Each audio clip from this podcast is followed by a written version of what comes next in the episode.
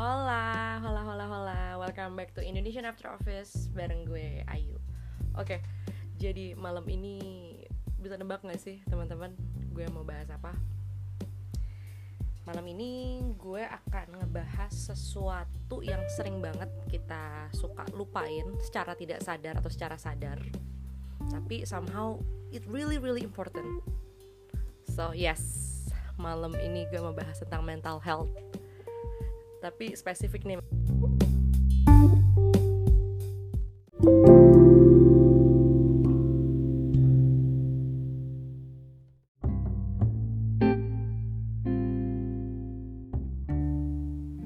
Yes tentang mental health ya.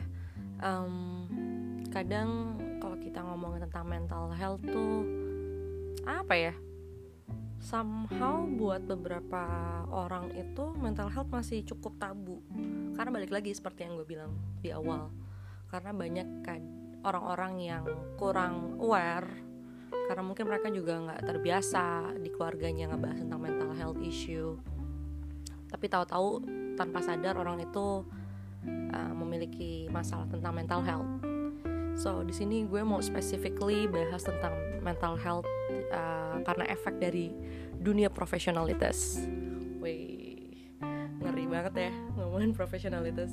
Tapi asli sih, um, gue cuma mau sharing. Gue punya teman, kebetulan teman gue ini kerja di salah satu perusahaan multinasional di Jakarta. Dia alhamdulillah karirnya bagus, um, posisinya bagus, setelah kerja sekian lama ternyata dia secara nggak sadar burnout. Wah ngaco banget burnout ya. Burnoutnya tuh bener-bener yang sampai dia nggak berani nih um, untuk sendirian. Contohnya kalau udah waktu malam biasanya dia mau tidur gitu ya. Kadang dia nggak berani tuh untuk tidur sendiri karena once dia lagi sendirian pikirannya itu langsung full of thoughts yang negatif dan specifically itu tentang kerjaan. Serem banget kan?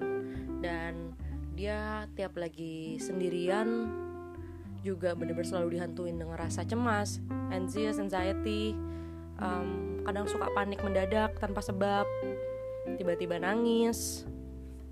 Sampai akhirnya temen gue ini um, dia ke psikolog.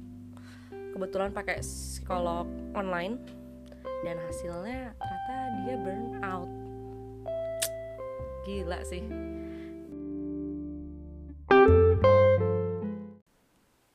So the main point is ternyata even dalam hal kerjaan aja itu bisa ngasih efek yang luar biasa terlebih ke mental lo. Itu satu sih pelajaran yang bener-bener gue ambil. Dan gue harap buat siapa pun yang dengar podcast gue ini bisa belajar belajar untuk jauh lebih mengenal diri sendiri mengenal batas diri kita agar nggak terjadi nih hal-hal seperti ini. Karena men itu serem banget sih kalau ngebahas tentang mental health.